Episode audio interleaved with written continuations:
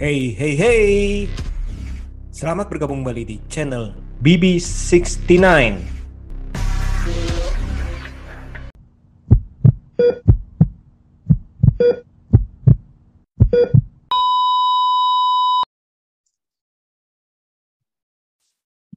Oke, halo, halo, halo, dan halo lagi. Selamat pagi, siang, dan sore, dan juga malam. Nah, kita kembali lagi nih. Uh, kemarin baru aja rilis sebuah film horor Indonesia terbaru, judulnya adalah Lost Man Melati. Gimana Mbak Mi? Judulnya Lost Man Melati atau Lost Man Mati nih yang seperti saya bilang, eh di belakang saya nih. Lost Man Melati ya, jadi berasa pengen check-in aja gitu, enggak ya? Waduh. Jangan gitu. Check-in nanti nggak keluar iya. loh. Habis iya. balik. Yang sih ya sesuai dengan hashtagnya ya, yang singgah yang mati ya kan. Waduh, untung saya nggak mau check-in. Nanti saya nggak wow. keluar. Oke oke oke. Oke. Nah sekarang udah bergabung dengan kita nih Mbak Ami nih, uh, co-director hmm. dari film Lost Man Melati, ada Bang Billy Christian, juga ada para cast nih, ada Mas David Karagi, ada Mbak Putri Ajudia dan uh, Bang Ridwan Raul nih ya. Halo semua, apa kabar? Hai, baik. Halo. Waduh, malam-malam kita ngobrol-ngobrol nih mengenai Lost Man Melati. Oke, saya langsung ke Bang Billy aja ya. Bang, boleh gak uh, cerita ya. uh, awal terlibat dalam produksi film ini?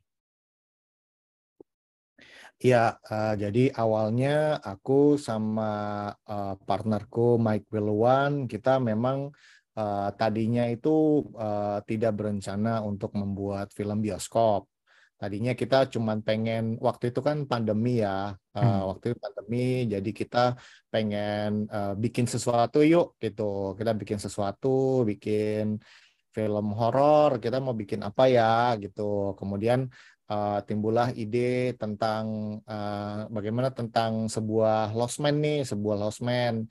Jadi kita di satu lokasi gitu. Nah, sebuah lost man, uh, kemudian kita pengen menciptakan sebuah karakter yang ikonik gitu. Pengennya sih uh, kan udah lama film Indonesia tuh nggak ada karakter yang ikonik gitu ya uh, dulu kan kita punya Susana gitu. Nah, kita pengen menyiptain satu karakter perempuan yang ikonik seperti Susana, tapi zaman uh, sekarang ini gitu.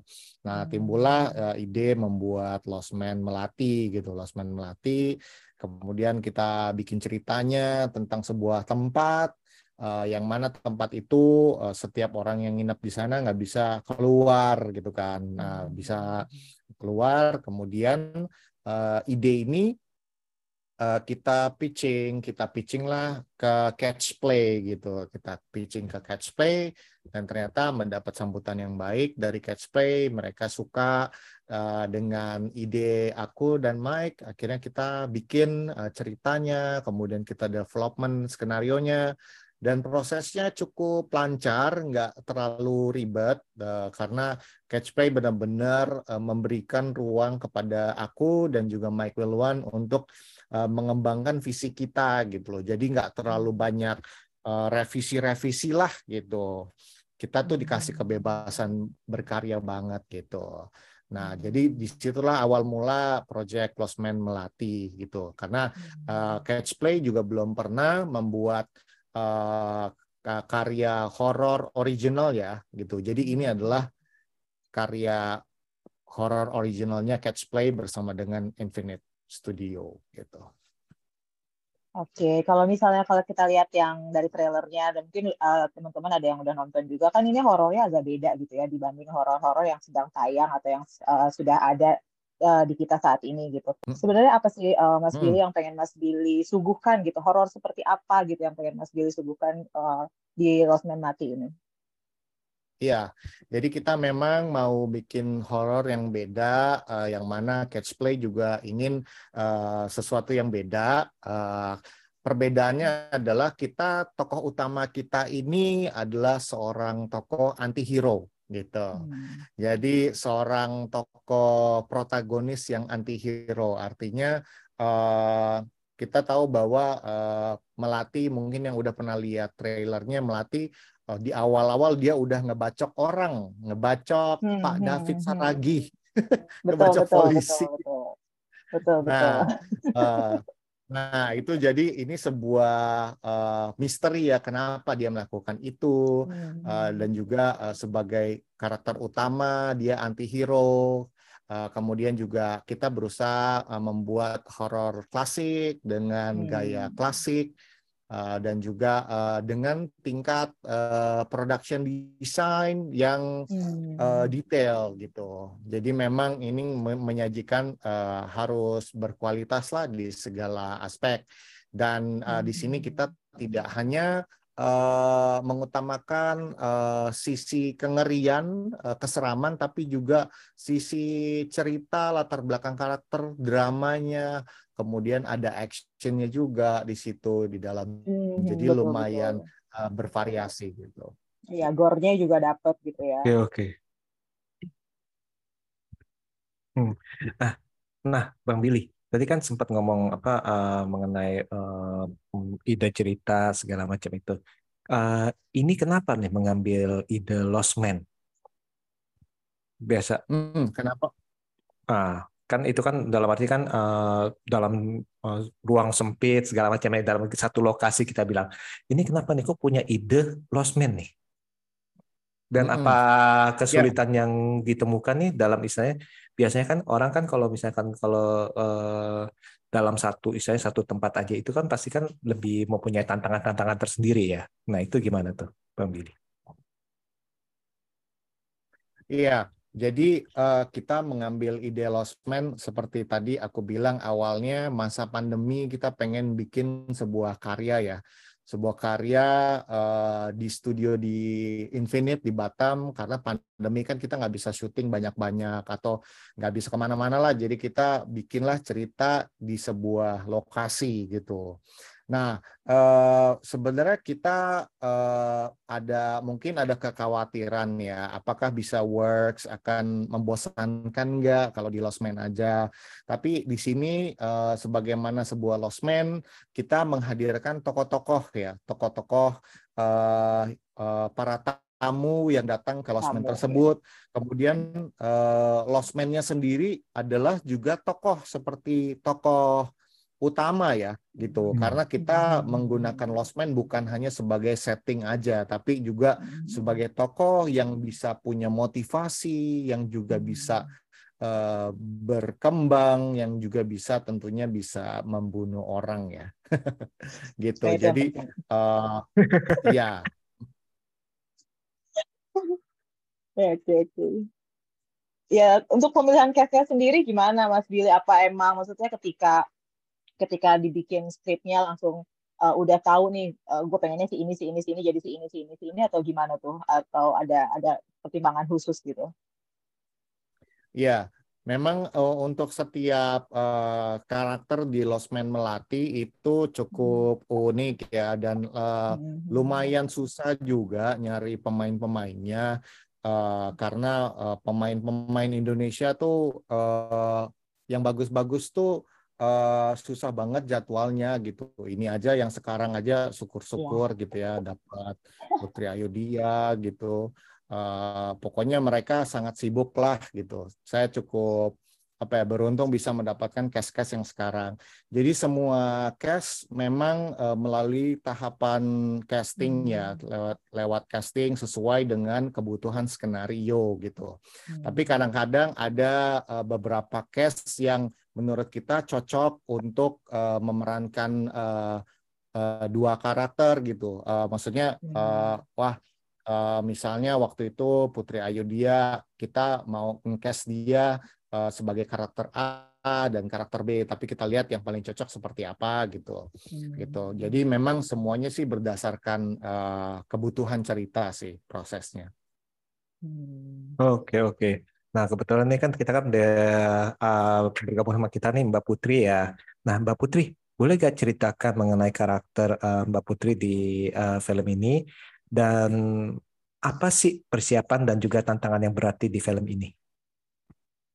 Oke, oh hai sebelumnya selamat malam semuanya.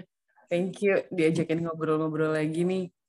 Um, untuk karakter Dara sendiri seperti yang disampaikan Mas Billy, memang awalnya tuh aku di casting dapat dua tokoh lainnya disuruh nyobain yang bukan karakter Dara. Jadi begitu dikasih tahu, Put kita mau kamu gabung sebagai Dara. Siapa ya Dara ya? Gitu. Hmm. Karena castingnya bukan menjadi Dara. Nah, hmm. uh, long story short, aku dikasih tahu juga dijelaskan bahwa Dara itu adalah seorang istri dan ibu yang juga tentunya seorang anak. Semua orang punya ibu dan dalam hal ini Dara yang sudah menikah, punya suami, punya anak yang anaknya udah nggak terlalu kecil-kecil banget gitu, udah mulai hmm. mengerti juga gitu keadaan hmm. emosional ibunya, um, sedang berada dalam penyesalan. Kalau aku melihatnya gitu ya, Dara nih punya banyak rasa bersalah sebagaimana layaknya seorang anak yang punya penyesalan terhadap orang tuanya. Kali ini khususnya untuk ibunya yang uh, dia masukkan ke panti jompo. Nah, rasa bersalah inilah yang menuntun dia masuk ke dalam losmen melati. Nah, ini persoalan nih, guilty feeling ini persoalan nih menurutku.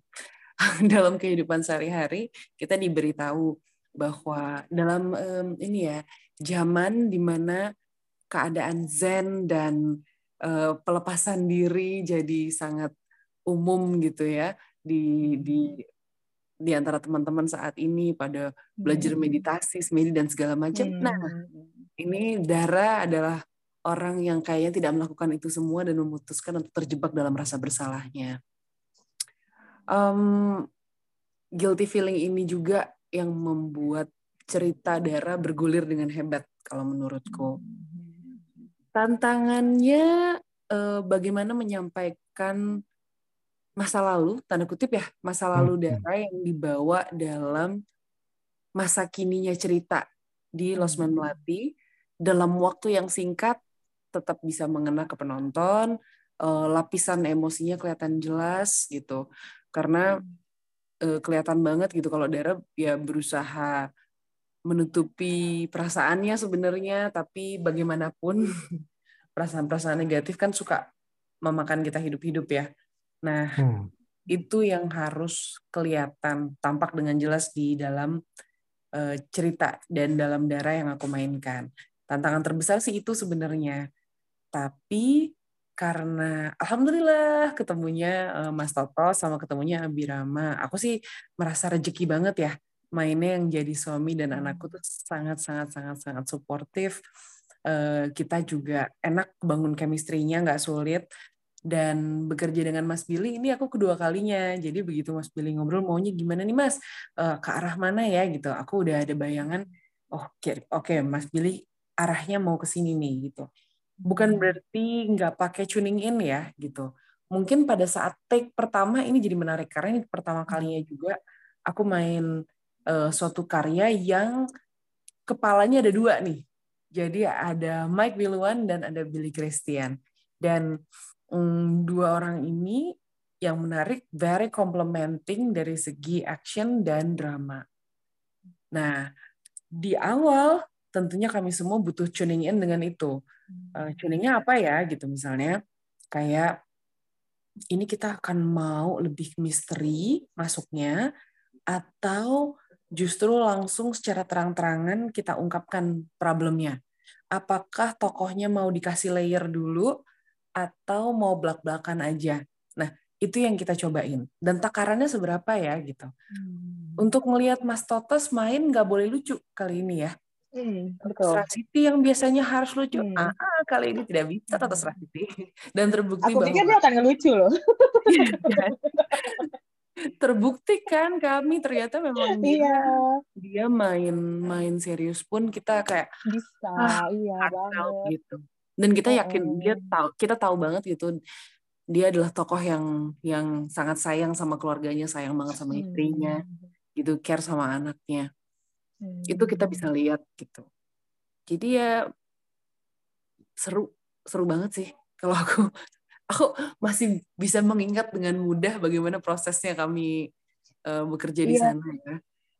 Iya itu salah satu scene yang itu kan itu scene awal ya, scene-nya Mbak hmm. Putri kan di scene-scene awal kan dan itu salah satu scene yang buat aku sih lumayan menyentuh karena itu kan hmm. ketika ada penyesalan dari anak uh, menitipkan orang tuanya ke apa panti jompo itu kan. Itu tuh bener-bener yang aduh Tuhan gitu. Apalagi kan ketika Mbak Putri Mbak Putri kan di situ kan me, apa ya memperlihatkan gitu kan ke penyesalan itu kepada ibunya walaupun dalam bentuk yang berbeda gitu kan. Itu itu itu sih best sih. Apalagi kan uh, kalau aku ngikutin film-film Mbak Putri sebelumnya di sini kan lebih lebih berasa gitu ya aura emosi dan apa ya karena karena hubungan ibu dan anak itu kali ya jadinya lebih yeah. lebih ini ya lebih apa sih lebih dapat gitu. Itu awal aja udah mah Mas David dibunuh kan ya. Itu kan ada ya di trailer ya. Ada gitu masuk ke sini yang Mbak Putri itu kayaknya ya ya terus sini yang Mbak Putri itu kayaknya yang aduh kenapa begini sih? Tapi itu keren banget. Terima kasih terima kasih banyak. banyak. Itu ada persiapan ini nggak sih Mbak Put? Ada persiapan apa nggak? Maksudnya kan ini uh, ya as we know gitu kan uh, maksudnya Mbak Putri belum berkeluarga atau gimana terus ada antara hmm. ibu dengan anak itu bagaimana ada persiapan khusus atau gimana nggak sih gitu sama uh, sama anaknya dan Mas Totos Iya kak seperti yang sebelumnya aku bilang hmm. sih kalau dengan Mas Totos dan dengan Abi hmm. I have no problem at all kita hmm. kan tinggalnya yang menarik adalah ketika kita syuting di Infinite Studio Batam di hmm sekitaran komplek itu, ya di dalam kompleks yang sama kita tuh ada tempat tinggal namanya chalet. Nah, chalet-chalet hmm. ini satu chalet isinya tuh bisa tiga kamar gitu. Nah, ini hmm. pas banget nih tiga kamar. Jadi satu rumah isi tiga kamar, hmm. kami tinggal bareng. Langsung ada aku, ada Mas Totos, dan ada uh, Abi dan ibunya di situ didampingi hmm. gitu ya. Jadi kami setiap kali bangun kita bisa ketok-ketokan pintu gitu ya, saling ingetin sholat lah, saling nanya mau makan apa lah, kita mau masak apa, begadang oh. sampai jam berapa, kenapa Abi ikut kan ini anak nanti tidur ya kan. Jadi ya kumpul saling mengunjungi di antara satu chalet dan chalet yang lain gitu.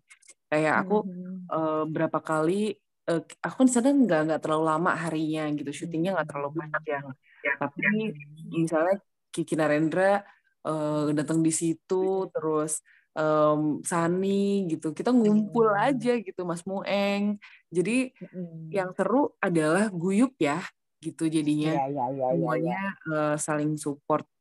Dan buat kita kan satu buat aku sih sebenarnya suatu kemewahan ya syuting di studio um, nggak pernah yang dapat syuting selama itu di studio dan di studio doang syutingnya. Okay. baru berasa gitu. Studionya gede. Terus uh, dibikin sedemikian rupa sehingga bener-bener mirip kayak kita kayak lupa gitu loh masuk ke dalam Lost Man-nya tuh oh ini studio ya gitu bukan Lost Man-nya gitu jadi kok kayak aneh banget kita tuh ada hal-hal yang kita nggak perlu acting menurutku kayak hmm. pertama kali kami masuk ke dalam losmen kan hmm. kita ngelihat nanti kalau teman-teman nonton uh, di dalam setiap gambar itu ada hal-hal detail hmm. yang kalau nonton yes, lebih dari sekali nanti akan ketemu detail-detail yang lain. Aku amazed banget gimana gambar-gambar yang dipasang di dinding-dinding losmen itu uh, gori kali ya gambarnya ya gitu. Hmm. ada siapa bawa kepala siapa ya kan? ya. terus orang-orang yang uh, duduk bersama seperti keluarga tapi kok begitu mukanya ya kan? Iya. Nah, aku merasa kayak pendekatan-pendekatan uh, ya kita selalu tahu ada dalam tempat-tempat tertentu lukisan tuh menggambarkan karakter pemiliknya ya. Selalu punya cerita tentang itu jadi kalau mau dapat kode-kode soal ceritanya, menurutku jangan lupa mengintip detail-detail atau art yang sudah diletakkan di situ. Uh, tim art kita ada Razi dari Malaysia, uh, keren banget, and the whole banget. team amazing to do that. Kita punya DOP yang juga seru banget, kayak misalnya ada aku ngeliatin, kayaknya di trailer ada deh, ada aku ngeliatin lukisan dan kameranya itu Dutch shot gitu kayak yes. gitu miringnya yes. jadi kayak hah gimana? Gitu. Banyak uh, angle-angle shot yang juga ada di luar pikiran kita gitu. Termasuk ada adegan-adegan di keluargaku yang menurutku juga oh ternyata pengambilannya dinamis sekali ya kameranya bergerak terus gitu. Oh ini alasannya uh, kameranya bergeser terus menerus gitu misalnya. Jadi um, menurutku ini sih yang rasanya visualnya ngomong ya selain Hmm. warnanya emang bagus banget kan kakak terus Betul. CGI Keren banget. Warna warna warnanya tuh ya bener-bener ya di Hmm. tiap ruangan. Even yang ruangan bawah pun kan ya, maksudnya yang ruangan Pak Kiki pun kan ya, itu kan maksudnya ruangan yang sama Jadi, Pak Mueng ya, ruangan Pak Mueng di bawah itu ya. Itu itu Itu- keren banget. ruangan itu tungku itu ya aja nanti Iya, iya, siapa pun iya, yang ruang tungku. mendengarkan ini kalian harus cek di ruangan bawah tanah ada sebuah tungku. Tungku itu sampai sedalam-dalamnya itu dibikin dengan apik. Jadi lumayan wah horor sih emang. Kadang-kadang kalau kita masuk Iya, horor. bisa kita masuk di ruangan bawah tanah tuh rasanya dingin. Jadi kayak Iya. ini apa? Gitu takut. Jadi rasanya udah vibe-nya tuh eh, kita kayak nggak Iya. perlu buat-buat gitu Iya. ini lucu dijadikan pertanyaan kuis apa saja Oh, isi oh. plastik eh, Oh, dalam iya. ini di bawah tanah itu ya Hmm. kalau kalian nanti ngelihat juga kalau misalkan belum nggak sempet lihat karena ah cepet banget gitu berarti harus nonton lagi cek ada Yes. apa saja di dalam toples toples di dalam lemari itu. Yes, betul. Dan bahkan tuh ya sampai kan mungkin ini ada nggak sih? Aku lupa deh ada di trailer apa enggak ya? Aku takutnya pokoknya ada salah kan itu semua yang ada di situ nantinya akan dibakar ya. Ada ada salah satu ada di yang pasangan. spoiler abis Itu- lu mbak bener-bener Iya nggak apa-apa deh. Ya udah ntar saya tulis deh di spoiler soalnya aku aku aku aku suka banget itu pas ketika dibakar itu. Itu yang pasangan itu keren banget pengambilan gambarnya. Ya Tuhan gue bilang bisa begitu. Mas Billy Iya. aku padamu aduh Perlu itu detailnya kalau misalkan itu udah suka detailnya karena ini ada Mm-mm. universe-nya Iya, lebih banyak lagi detail yang kalian lihat. Dan memang ada kejutan dari, nah kalau ini juga ada di trailer nih, ada sebuah boneka yang juga mengganggu. iya. Buat aku sebagai Dara mengganggu, Hmm. buat aku sebagai Putri juga mengganggu. Aku sempat lompat gara-gara eh, ngelihat boneka itu melakukan sesuatu. Nah ini nggak bisa diomongin. serius Nggak bisa diomongin. nah itu baru baru aku mau nanya itu ada ke- kejadian-kejadian nggak sama boneka yang kan waktu kita gala tuh si boneka hadir itu boneka yang sama atau Eh, harusnya sih boneka yang sama ya. oh oke. Mm-mm. itu horor soal bonekanya ya dengan matanya seperti berbicara oke silakan lanjut Mas Setiawan Ya. kalau kan ntar aku spoiler banget eh, nih tapi emang- gua, gua ini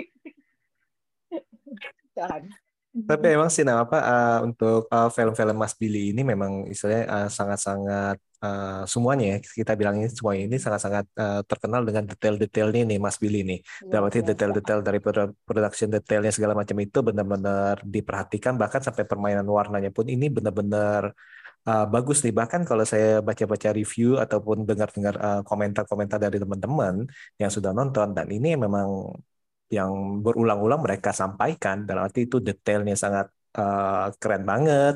Terus ini warnanya juga ini. Nah terus yang tadi itu saya juga bingung juga tuh wah kalau gitu nih banyak-banyak apa kode-kode nih ya Mbak Ami ya ternyata banyak kode-kode yang harus ditonton pokoknya Mas Tewan ini belum Easter nonton egg-nya. anyway Mbak Putri. Jadi Oh, nanti kita belum. bilang sama belum. Nanti kita bilang sama dia dia harus perhatikan di setiap detail-detail akan ada gambar-gambar yang berbicara gitu loh. Dan barang-barang vintage-nya iya, keren banget. Entah dari mana itu dapetnya pokoknya keren banget barang-barang vintage-nya yang ada di situ. Ya. Mas Tiawan, kamu harus cek Easter egg-nya di setiap scene. Yes. Yes. Eh, nanti saya ngomong ke apa Pak- yang orang bioskopnya proyektornya nanti tolong di pause ya. Tolong di Iya. pause ya. Ini ini atas perintah Mas Billy loh saya bilang aja gitu ya. itu benar-benar harus diperhatikan di setiap detailnya. Iya, iya, iya, benar, benar, benar. Cek setiap itu. Terus kalau ada ada adegan-adegan yang menurutku kalau kita tiba-tiba misalkan ya, aduh eh, lagi nonton tapi aduh pengen cek WhatsApp nih gitu. Terus tiba-tiba kamu bisa kelewatan sesuatu yang penting gitu. Yes. Nah, Karena ada jadi nggak boleh nggak boleh lihat-lihat layar handphone ya kalau nonton harus Hmm. serius. Iya.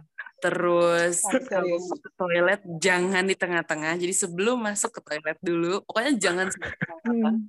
Karena eh, selain detail-detail yang leo apa ya yang diambilnya cepat gitu, bisa ada flash gambar yang penting gitu Iya, loh. betul, betul. Gitu. Terutama di, ba- di di bawah tanah itu itu harus benar-benar diperhatikan sih. Ruangan yang di bawah itu tuh benar-benar harus diperhatikan sih. Itu itu ngeleng sedikit juga udah deh loss. Jadi diingat pas setelan ya. Pakai penasaran nih. Tapi ini eh, mau bahas yang ini gak yang kisah horornya nih Mbak Mi nih. Kalau itu tanya ke Oh, ke- Bang Billy nih. Gimana? Iya, itu kisah Silakan. horor boleh. Ada kisah horor di mana? Sebelum kita ke case lainnya nih, kata tadi Mbak Putri udah ngomong kisah horor nih, jadi kita nyangkut di horor dulu nih Bang Billy nih. Gimana Bang? Kisah horornya ya. Wah, kisah horornya banyak nih, tapi nggak tahu nih boleh diceritain atau enggak nih.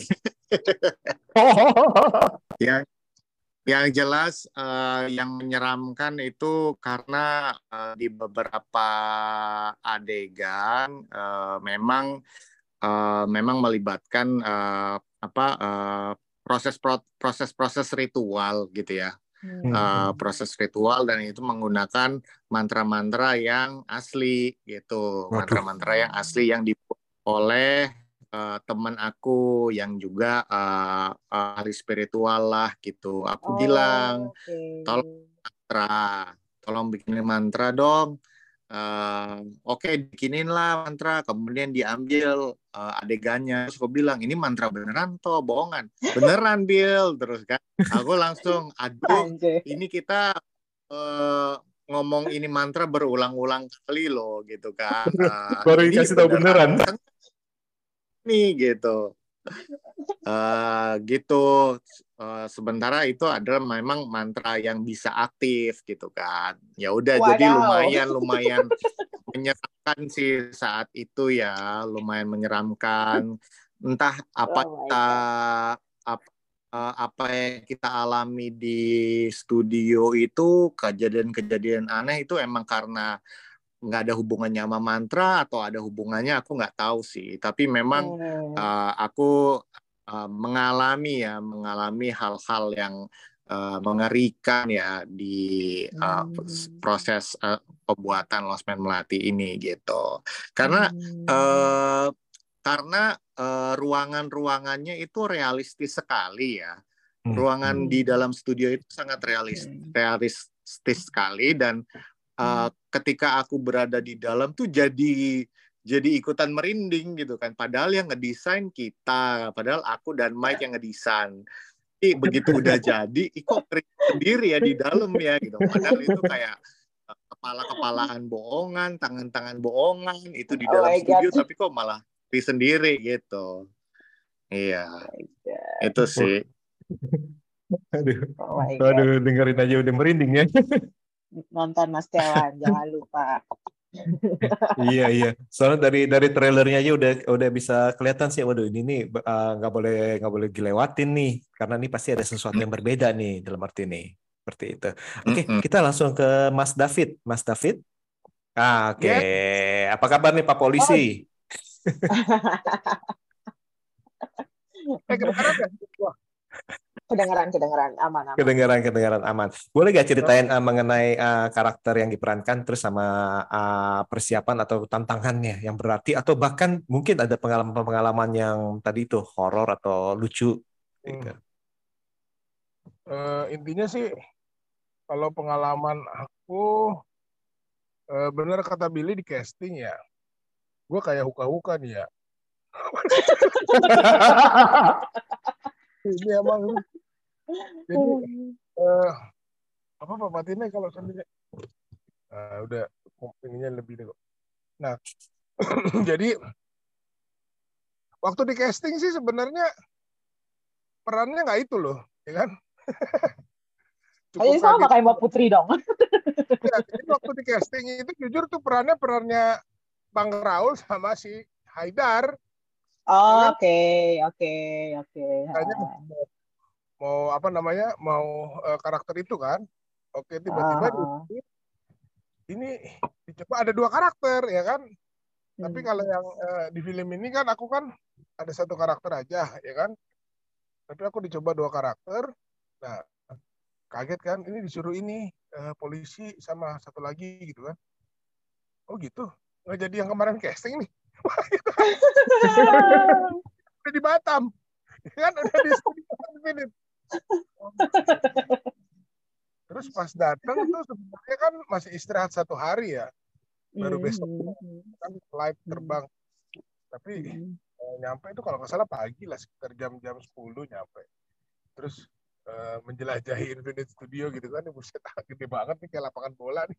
Gue bilang kan sampai ngap gitu kan bayangin kan badan kayak gini suruh jalan muterin setengah aja gue capek gitu kan aduh udah gede banget nih. Yaudah deh udah nggak usah sampai ujung deh. Saya, saya bilang tuh masih Wendy tuh kalau nggak salah kan. Ya pokoknya ya udah. Oke eh, tes makeup tes makeup. Habis tes makeup eh kita langsung syuting ya. Hah? Udah syuting nih. Nggak apa-apa mas David. Ya nggak apa-apa juga sih. Antar David dulu. nggak apa-apa juga sih saya bilang gitu kan. Oke lah. Jadi jadi sambil tes makeup sambil lihat dialognya terus eh, ngobrol sama eh, Billy sama Mike waktu itu masih di dalam kan? Ngobrol sama pemain yang lain. Dan kebetulan nggak begitu banyak eh, apa namanya dialog kan awalnya kan? Dan dan baru Mas Dwi datang sama Putra ya sama Raul lah ya kan? Ya udah. Jadi kita eh, karena memang nggak ada sesi ini sih nggak ada eh, sesi ya kalau sama Mas Dwi kita ada reading sebentar. Jadi pas kita ketemu make up eh latihan yuk latihan yuk gitu kan. Ntar mau munculin apa gitu kan. Ya, oh, gini gini gini paling sampai sambil ngobrol ya. Ini karena pemainnya jago-jago kali ya. Ibil ya. Beneran jadi pemain eh nanti Jaminan mutu pemainnya. gitu kan. Oh ya udah. Jadi ada yang off script nggak nih? Ada yang on script nggak? Kita coba dulu yang on script. Kalau nggak enak eh, paling kita off scriptin tapi ntar koordinasi sama Bindi oke ini masih oke jalan ya kan ya udah seru sih ya kan karena first first ini juga kan baru pertama kali kerjasama kalau Mbak Putri kan udah dua kali kali kedua ya Hmm, Sama iya. kan? kalau aku kan baru pertama nih menuju yang ke 100 lah nanti sama Billy kan Amin. Amin. Kode didengar kode didengar kode. Kayak jujur aja karena baru pertama kan gue baru tahu juga abis itu kan gue searching ya. Ini siapa Hmm. Billy Christian ini siapa Michael Edward Wih, orang hebat nih. Waduh gitu kan. ya udah gitu kan apalagi sukses dengan produksian sebelumnya gitu kan.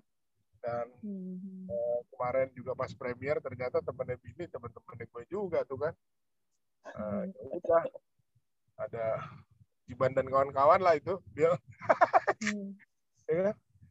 Ya udah akhirnya ah, seru lah gitu kan merasa eh, pas ketemu sama Mas Dwi Mas Dwi itu aku dua kali ya. Yang pertama ada di produksian series sih bukan film. Eh, kita yang hilang eh, sama ya ini gitu kan. Terus sama Aida eh kita nggak satu frame sama Aida ya sama Putra sama Raul Lah, Raul pernah satu frame. Tapi kali itu kan sama Raul kan kita kan nggak banyak dialog ya jadi Iya. intinya experience-nya itu seru lah. Ya jadi pengalaman aku sih itu sih. Kalau untuk karakter sendiri karena polisi pas udah dapat make up-nya jadi kayak lebih polisi banget ya gitu ya. Gitu kan jadi merasa Polisi bermotor ya. ya karena kita coba deh Mbak Putri kan biasa di teater kan ketika dapat eh, ah, apa namanya kostum kayaknya feel-nya dapat gitu loh ya kan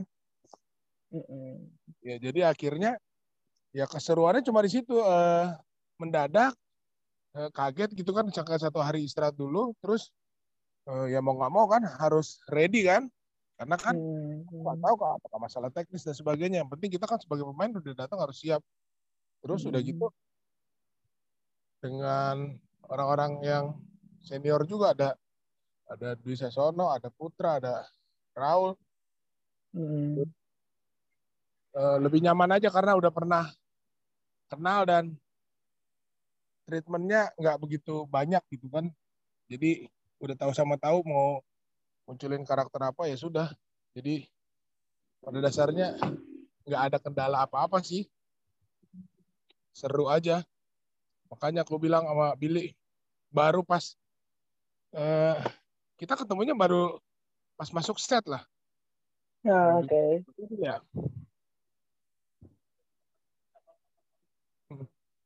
Ya, siap. Jadi itu aja sih. Itu aja kan pertanyaannya. Iya. Terus ini enggak sih ada ada ini enggak perbedaan apa ya bermain film horor dengan film-film lainnya menurut Mas David? Enaknya atau enggak enaknya gimana tuh? Ada perbedaannya enggak? Nah, gua film pertama gua itu justru horor ya tahun hmm. 2007 ya. Hmm. Selebihnya hmm. eksploitasi badan gitu. Iya kan? Iya pernah dulu apa namanya? Enam. Iya, judulnya. Eh, enam, enam. enam. itu ya. Tapi kan apa namanya? Udah lama nggak horor ya. Itu doang itu horor. Iya. 2007. Ya, bentar. Lagi online. Ya, oh, bentar. Uh, di lobby aja, Pak. Sorry ya. Sambil gak berjalan. Horor.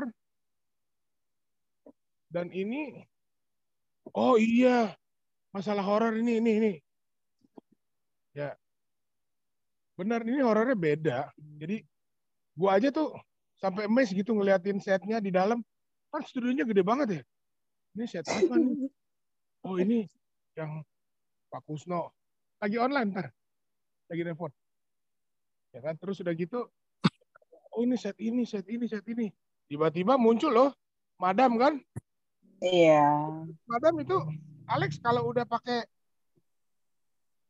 uh, madamnya itu serem loh beneran. Ya kan? cakep banget. Nggak serem, cakep banget itu. Into karakter banget kan dia kan. Iya, iya, iya. iya, iya. Dari madam gitu kan. Uh. Yang tajam, yang bibirnya gotik lah. iya, terus ya pokoknya look scary lah gitu. Gue ini merasa uh -huh. pemain berasa horor juga. ya kan? Ini gue bilang nih film horor apa kita yang horor juga? Udah gitu kalau ngelihat yang set di belakang tuh yang rumahnya si siapa? Losman-nya kan di belakang tuh kan. Kan diajak hmm. Jadi musto siangnya kan gue lihat ya. Oh rumah gini ya. Eh, pas malam, serem loh. yang gue getok-getok kan umpamanya cut masih di situ kan terus gue iseng ke dalam ada apaan sih jadi tapi memang pengen ngedapetin feel horornya sih jadi kan bayang tuh Musto kan cuma apa namanya kalau di trailer kan seperti itu jadi bagaimana hmm. caranya dapat feelnya gitu kan kalau lu nggak bener-bener ngerasain ya gue ngetrit diri sendiri tuh seperti itu gue harus hmm. dulu gitu ya kan nggak mau acting gitu, but lebih kepada hmm. natural gitu kan. Eh muncul natural gitu. Mike sama Billy nggak terlalu banyak koreksi juga gitu kan. Gimana how's the uh, apa namanya acting Oke, okay, that's good. Billy mana? Eh, ya udah. Ya, karena gue pengen dapat feelnya sih. Jadi ya seperti itu. Hmm. Sendiri horor emang nggak usah ngetrit sih sebenarnya udah horor juga. Tanya Mbak Putri deh. ya kan benar nggak? Itu sih uh, Mbak Ani ya sama Iya Ani ya, Mas Tiawan. Tiawan. Aduh, luar biasa. Biarpun nggak selama syutingnya dengan teman-teman yang lain, teman-teman yang lain ada yang tiga bulan, ya kan kayak uh, Alex, mostly tiga bulan ya. Aku sih kurang lebih dua minggu lah, dua minggu. Ya, tapi kan pembuka pembukanya Mas David. Pembuka film udah Mas David kan. Itu Billy sama Mike kali ya.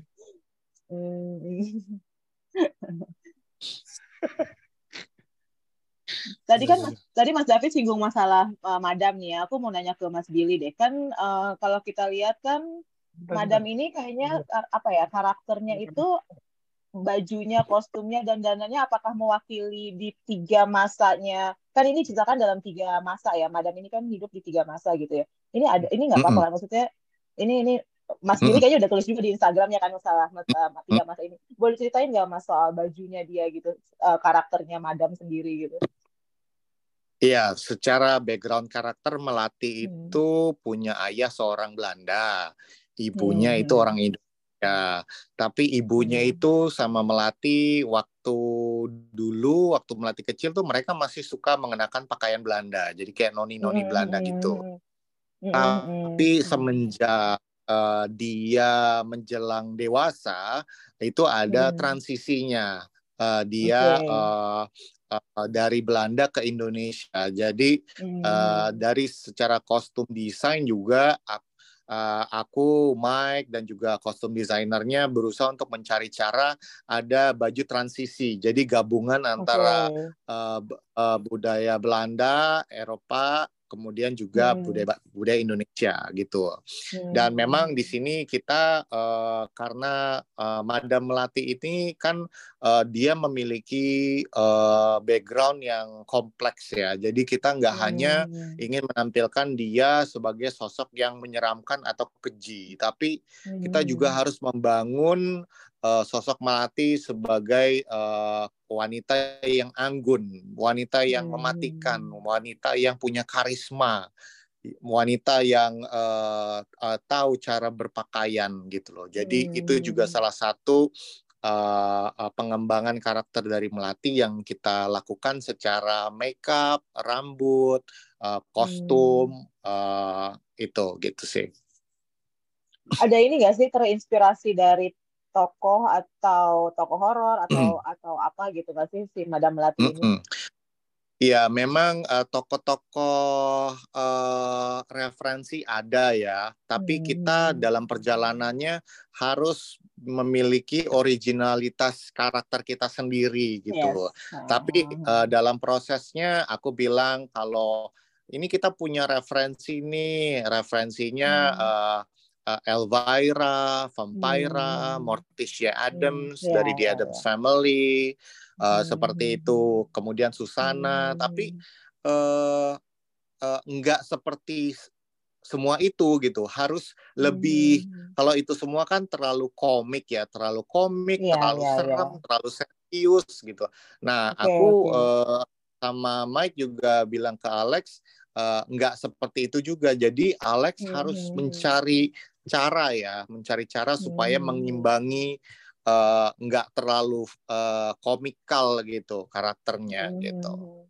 Mm -mm. Oke okay, ya soalnya kan kalau dilihat kan memang apa ya maksudnya di film ini kan ya memang si Madam Melatinya ini yang menjadi menjadi apa ya menjadi ininya ya maksudnya uh, utamanya gitu kan jadi kelihatan dari make upnya dari dari kostumnya mm -mm. gitu kan ketika Madam tampil tuh langsung yang Aduh Tuhan, saya tiba-tiba jadi ngefans sama Madam Melati.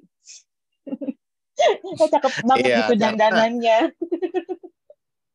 karena Alex sendiri sebenarnya kan uh. orangnya uh, ceria ya, ceria, suka ketawa, uh, suka bercanda, suka pokoknya beda banget lah sama Madam Melati hmm. gitu ya. Uh, hmm. Maka itu ketika dia udah ganti baju, dia hmm. diem aja waktu dia diem aja tuh aku jadi kayak uh, kayak agak ragu gitu mau ngobrol. Karena dia diem aja udah udah in karakter gitu kan. Okay. terus kita tiba-tiba ketawa gitu kan. Oh oke okay, hmm. masih normal gitu kan. Jadi ngeri gitu kan. Uh, apa uh, agak ada ada momen-momen segan-segannya juga gitu. Aku juga uh, tapi di situ ya maksudnya kenikmatan membuat film itu ketika uh, kita melihat karakter yang kita ciptakan sendiri itu menjadi nyata gitu loh. Hmm. Bahkan kita hmm. bisa berkomunikasi sama dia gitu. Itu sebuah hmm. apa ya uh, kenikmatan sendiri ya. Uh, uh, seperti dan senang oh. ketika apa yang sudah kita bayangkan tuh benar-benar uh, terrealisasi dan bukan hanya uh, karakter Madam aja, tapi juga semua karakter di film ini tuh hmm, uh, apa uh, sesuai dengan bayangan uh, waktu aku dan Mike uh, hmm. menuliskan ini ya di skenario gitu. Iya iya iya. Jadi kalau misalnya tadi Mas Billy kan sempat bilang uh, dulu ada Susana, dulu ada ini itu. Mungkin sekarang tahun ini ya udah ada Madam Melati itu gitu ya dengan nanti akan ada mm -hmm. universe-nya lagi gitu Mas Tiawan mm -hmm. nanti harus nonton Madam Melatinya keren banget harus takut atau harus jatuh cinta nih Karena madam tuh ya, madam tuh nggak ngapa-ngapain aja dia melirik aja tuh. Tadi kata Mas David aja serem. Nah bener di film itu dia ngelirik aja juga kita langsung yang oh my god. Iya. Apa rasanya dia syuting barengan sama madam gitu. Eh, Pak sutradaranya aja ngomong sendiri loh. iya iya benar-benar. Padahal dia yang ciptain karakternya tuh. Dia sendiri yang takut. Benar-benar. benar. Kayak aku lihat di Instagramnya Mas Billy kan ada yang di kaca itu ya, yang ketika madam merokok di kaca ya. Itu benar-benar yang aduh ya itu dia itu dia dia diem dan dia merokok aja lirikannya wow biasa. Iya. Gitu.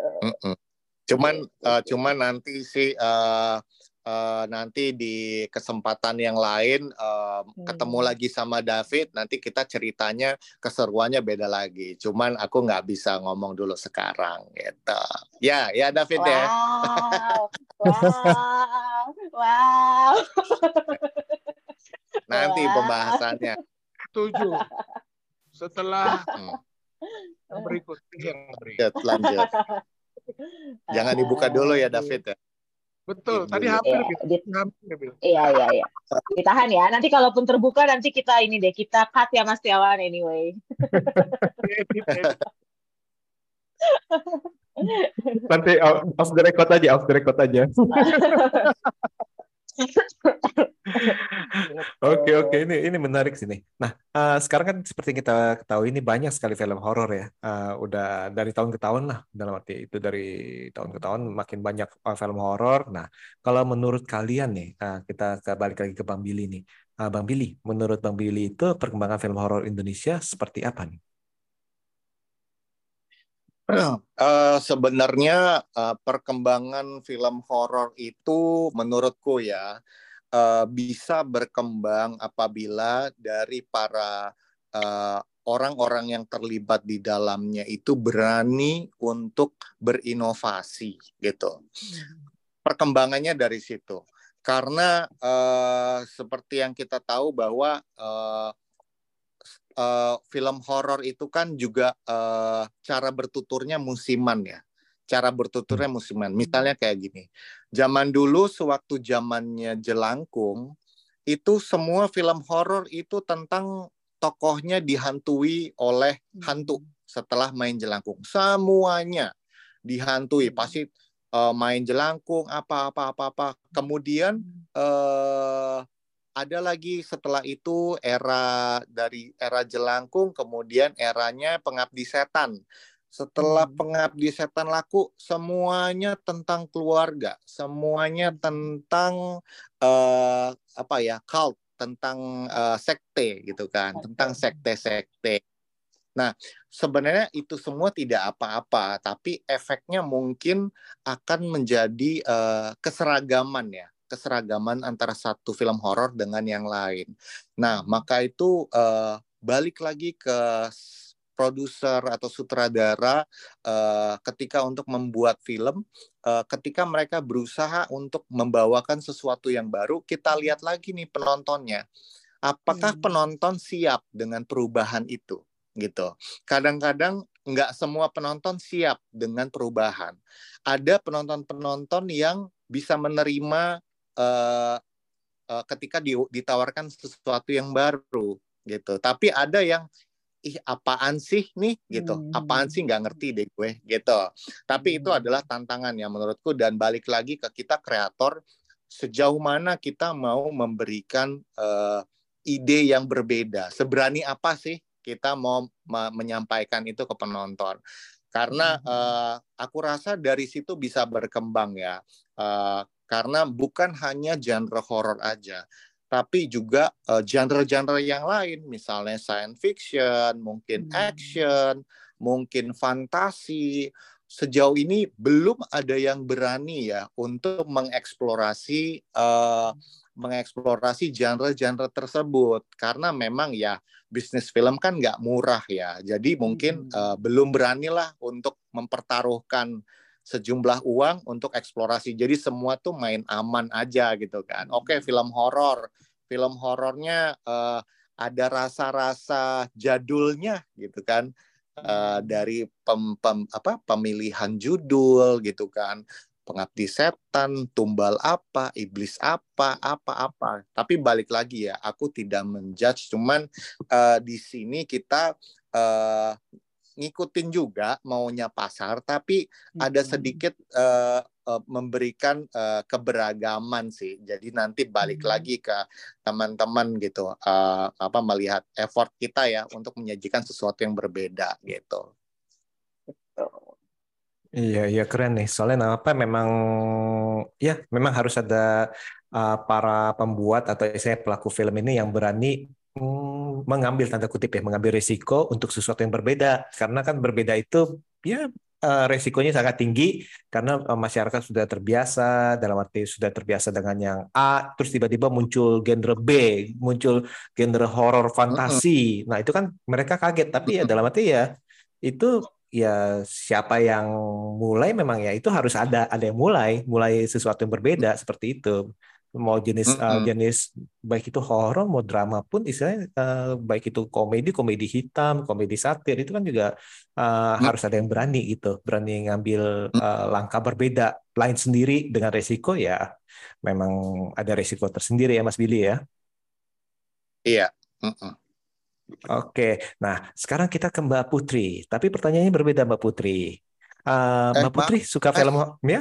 Gimana? Sorry, tadi ada Raul juga ya, uh, tapi mm, udah iya. tahu. Uh, uh, uh, tapi dilanjut lagi. Ya. Okay. Hmm, tadi mas. ternyata itu udah keluar. Oke, Mbak Putri uh, suka film horor gak? Suka. Oh suka. Oke. okay. suka gore. Wow, wow nggak kelihatan nih. Ternyata suka horor dan gore.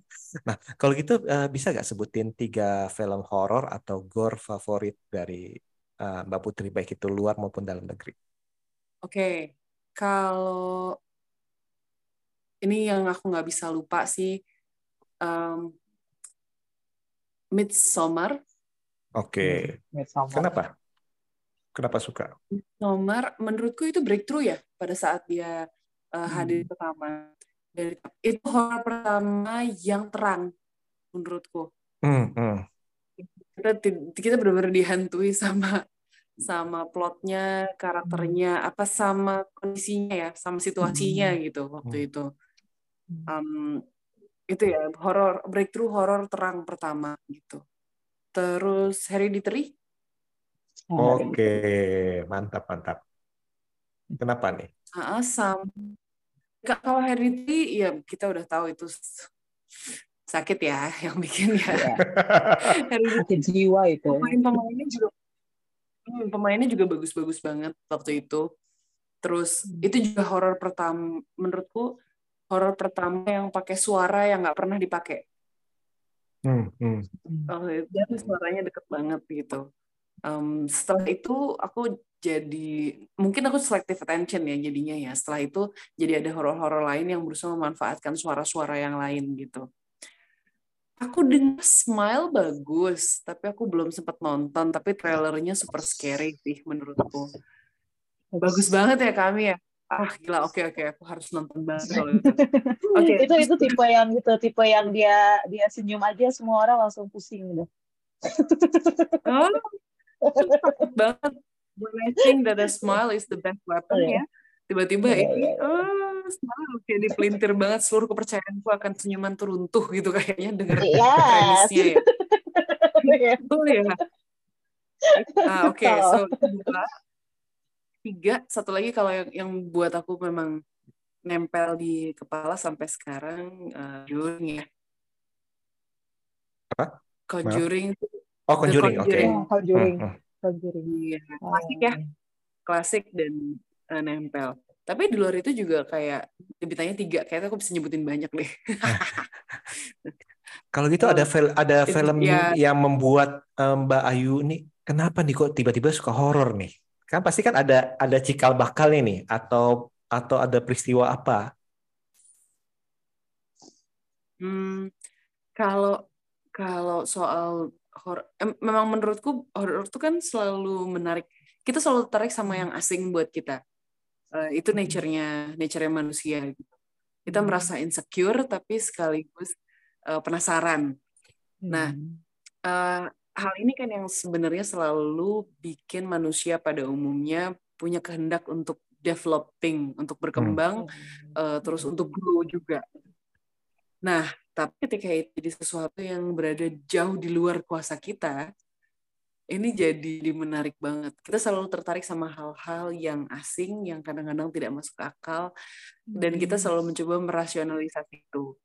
Nah, menurutku dengan adanya film-film horor itu juga menjawab menjawab rasa penasaran kita dan ngasih makan adrenalin ya sebenarnya nonton film horor tuh. Iya, betul.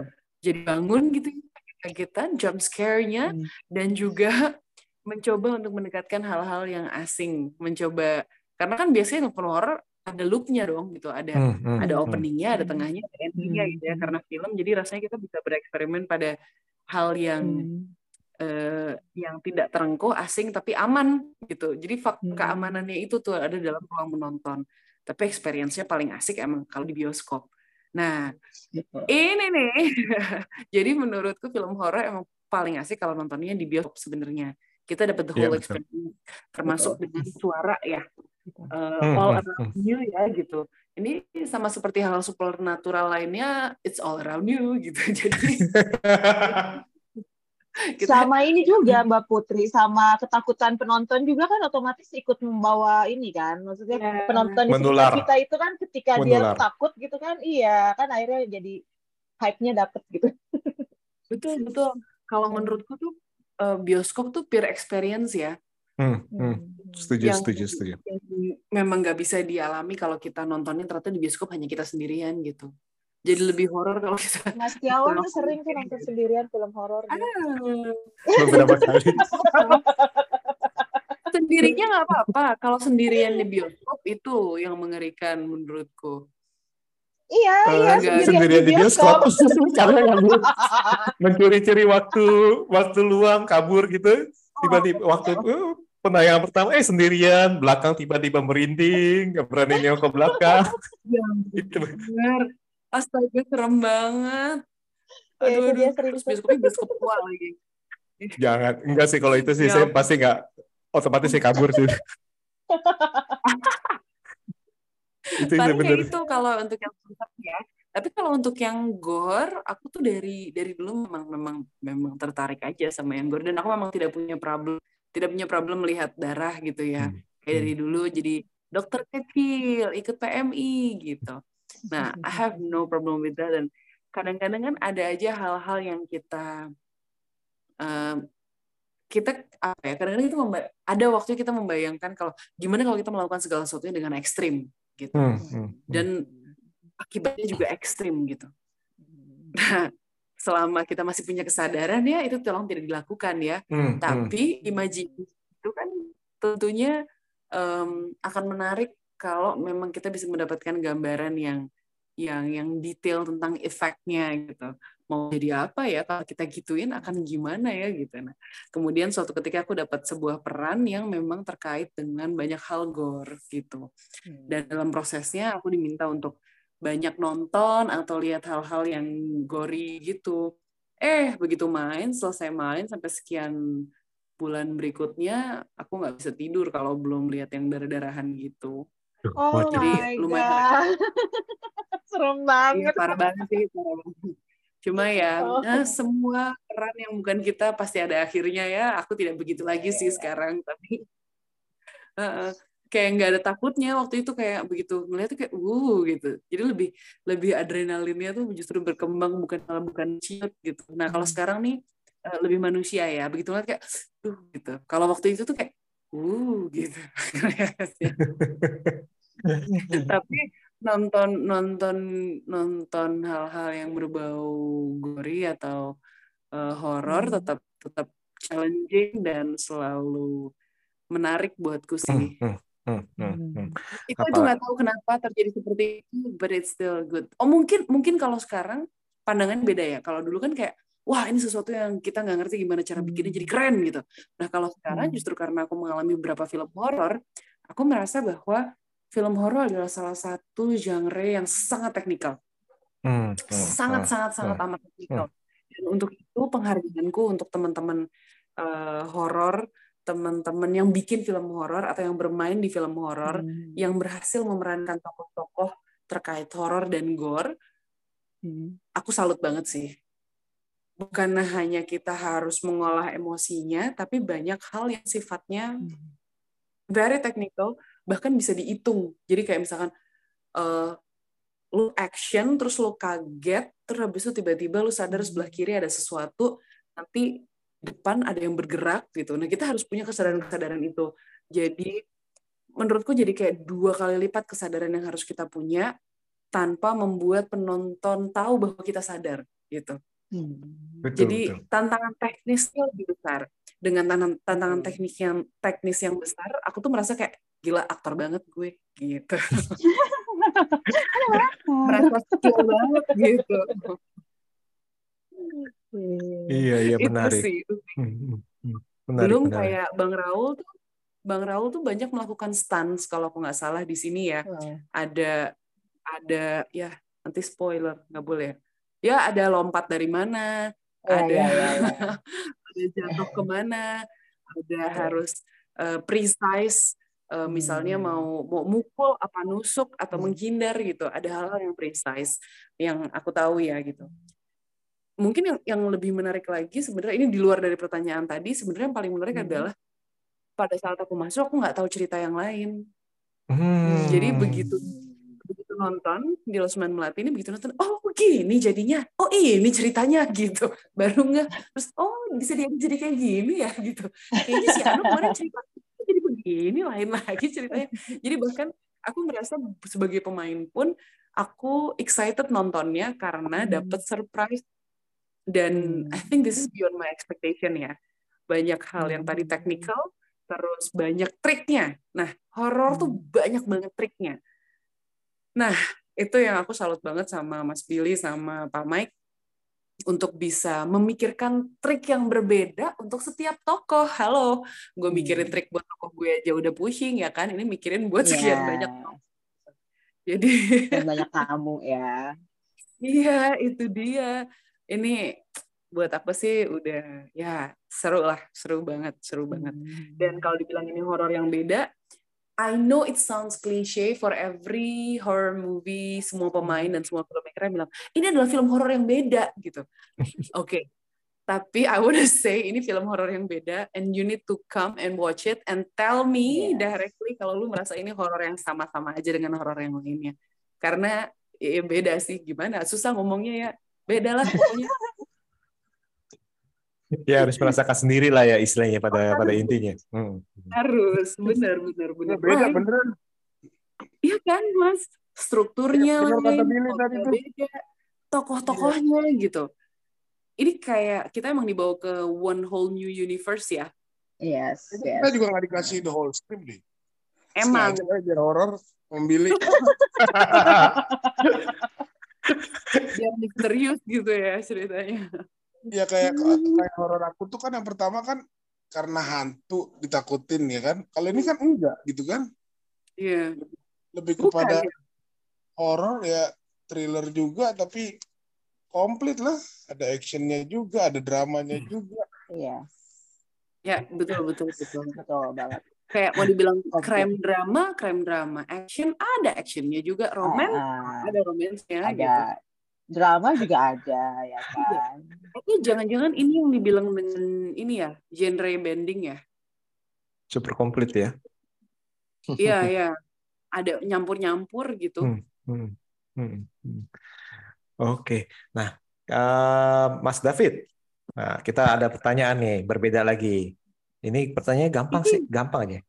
Yang pertanyaan pertama, Mas David itu eh, disuruh pilih aja, cuma pilih dan kenapa. Pilih nginep di losmen yang ada pembunuhnya atau nginep di kuburan? Oh my god, Nah, gue suka pulang aja gue. nginep di kuburan sih nggak masalah Bang. Oh, oke. Kenapa? Kenapa nggak Iya. mau di losmen? Lost Man ada pembunuhnya udah jelas-jelas. It's a threat gitu kan, udah ancaman kan. Ya udah pasti istilahnya udah jelas pembunuhnya ya. Gue masuk situ udah pasti either coming out or coming soon gitu. Ya kan aku sih ya lebih prefer di, di kuburan tidur di kuburan Oke, daripada uh, ya antara keluar dari Olasmen itu atau keluar di ini surat kabar ya. betul Oke, pertanyaan kedua. Ini pertanyaan kedua sih ya. Pilih ketemu pembunuh berantai atau pilih ketemu hantu? hmm, ketemu doang kan ya? Kalau ketemu ya, doang ya resikonya ya. Ketemu. gue jujur sampai saat ini belum pernah ketemu hantu tapi pernah merasakan. Dan kebetulan juga istri itu bisa melihat gitu kan. Jadi pernah lah cerita sedikit lah. Jadi katanya ada di kamar mandi itu ya kan baru datang gitu kan. Tapi sama saya takut gitu kan. Kenapa takut? Oh, badan gue gede takut gitu. Sama saya ajak ngomong eh lu kasih lihat dong gitu kan. Ya. Gue sih nggak mau juga dia tiba-tiba kasih lihat gue ya. Gue sih lebih memilih kalau mau ketemu ketemu pembunuh berantai aja ketemu ya. Tapi kan jangan gitu kan. Ketemu aja gitu. Ini kayak kontradiktif sama jawaban pertanyaan pertama ya Mbak Ami ya. Iya. Kan kalau ketemu pembunuh berantai kan kan bisa dibunuh kayak dalam Lost Man, Bang. ya kan ketemu doang kan gitu kan. Ketemu doang ya karena makanya sampai saat ini belum pernah ketemu gitu. Tapi merasa Jangan pernah. ya. kayak kenceng di belakang tuh tiba-tiba kenceng kan. Ini ada apa ya kenceng gitu.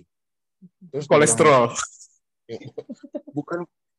Jadi itu waktu itu lagi di gunung gitu kan. Gue lagi problem apa gitu. Terus kita kayak mau berdoa gitu kan saya berdoa gitu tiba-tiba anginnya wush wush. Terus saya melek gitu sama teman saya. Tadi lagi berdoa gue berdoa juga kan sampai saya berdoa ini ada yang ganggu saya ya Tuhan.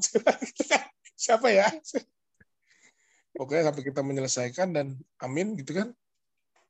Dia merasakan yang sama juga gitu kan. Tapi kita nggak bisa melihat. Ya gimana sih kan kita kalau begini-begini kan ada angin ya gini kan. Ini anginnya muter tuh lu kayak ditiup nih nih.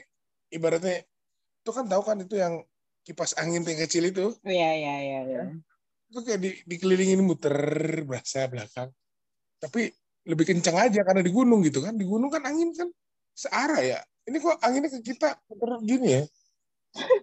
Aneh gitu. Gue ya lebih prefer ketemu pembunuh berantai daripada ketemu hantu. Nggak mau. Biarpun belum pernah ketemu ya. Kalau saya sih nggak mau dua-duanya. Ah, kan disuruh milih tadi Iya, gimana sih nanya? Ya penanya berhak dong. oh iya, iya. guru selalu benar ya Iya. Iya, benar. Oke oke seru banget nih Mbak Ami ya. Nah sebelum kita Iya. tutup nih eh, dari kalian nih eh, dari Bang Billy, Mbak Mbak Putri dan Bang David nih masing-masing nih dari Bang Billy dulu lah. Eh, ada pesan-pesan nggak untuk eh, para penonton atau eh, calon penonton film Lost Man Melati? Pesan-pesan. Aduh, eh, pesan-pesan ya sebaiknya nonton, nonton segera mumpung masih ada di bioskop. Nanti nyesel kalau udah nggak di bioskop nanyain kok nggak di kenapa nggak di sini sini sini gitu. Jadi mendingan nonton Lost Man Melati eh, segera, secepatnya, sebisa mungkin. Oke. Itu, itu. Iya. Nah kalau Mbak Putri, Oke, so teman-teman di antara gempuran film horor di Indonesia yang banyak banget pilihannya saat ini dan kebangkitan film Indonesia yang luar biasa, kita bisa dapat lebih dari satu film Indonesia dalam sekali tayang jejeran gitu. Uh, ini ada satu film Indonesia yang menawarkan hiburan buat kamu, menawarkan em, ini infotainment ya, karena kita bisa sekaligus mikir gitu. Aduh, ada apa lagi habis ini gitu ya. I think it's a very fun and daring entertainment yang em, perlu untuk kita tonton sama-sama karena percayalah ini satu horor yang menandai eh, perubahan film Indonesia lagi bahwa kita punya genre yang beda dan kalau masih khawatir masa sih bagus gitu. Hey, dua hari kita nambah banyak layar loh. Jadi iya benar benar. Yes, betul.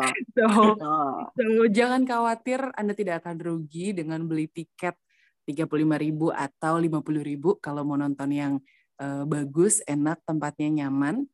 Eh, selain kamu mendapatkan hiburan yang seru, kalau kamu beli tiket dan tidak nonton bajakan, kamu udah membantu sekian banyak orang yang membuat film ini, membantu perfilman Indonesia, dan menunjukkan kecintaanmu juga sama apa yang bisa kita usahakan bersama untuk peningkatan kualitas film Indonesia. Jadi nontonlah film Lost Man Melati. I think you're not gonna regret it. Oke, oke. Bang David, gimana Bang David? Ya, setuju sih. Cukup kaget juga kita nambah layar ya berarti uh, mulai mendapatkan apresiasi yang bagus nih. Penonton sekarang kan juga nggak seperti dulu kan.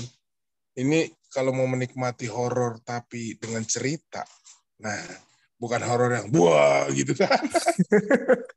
Jadi lo into cerita into the story hingga lo mikir tiba-tiba it's not on your expectation and then scary.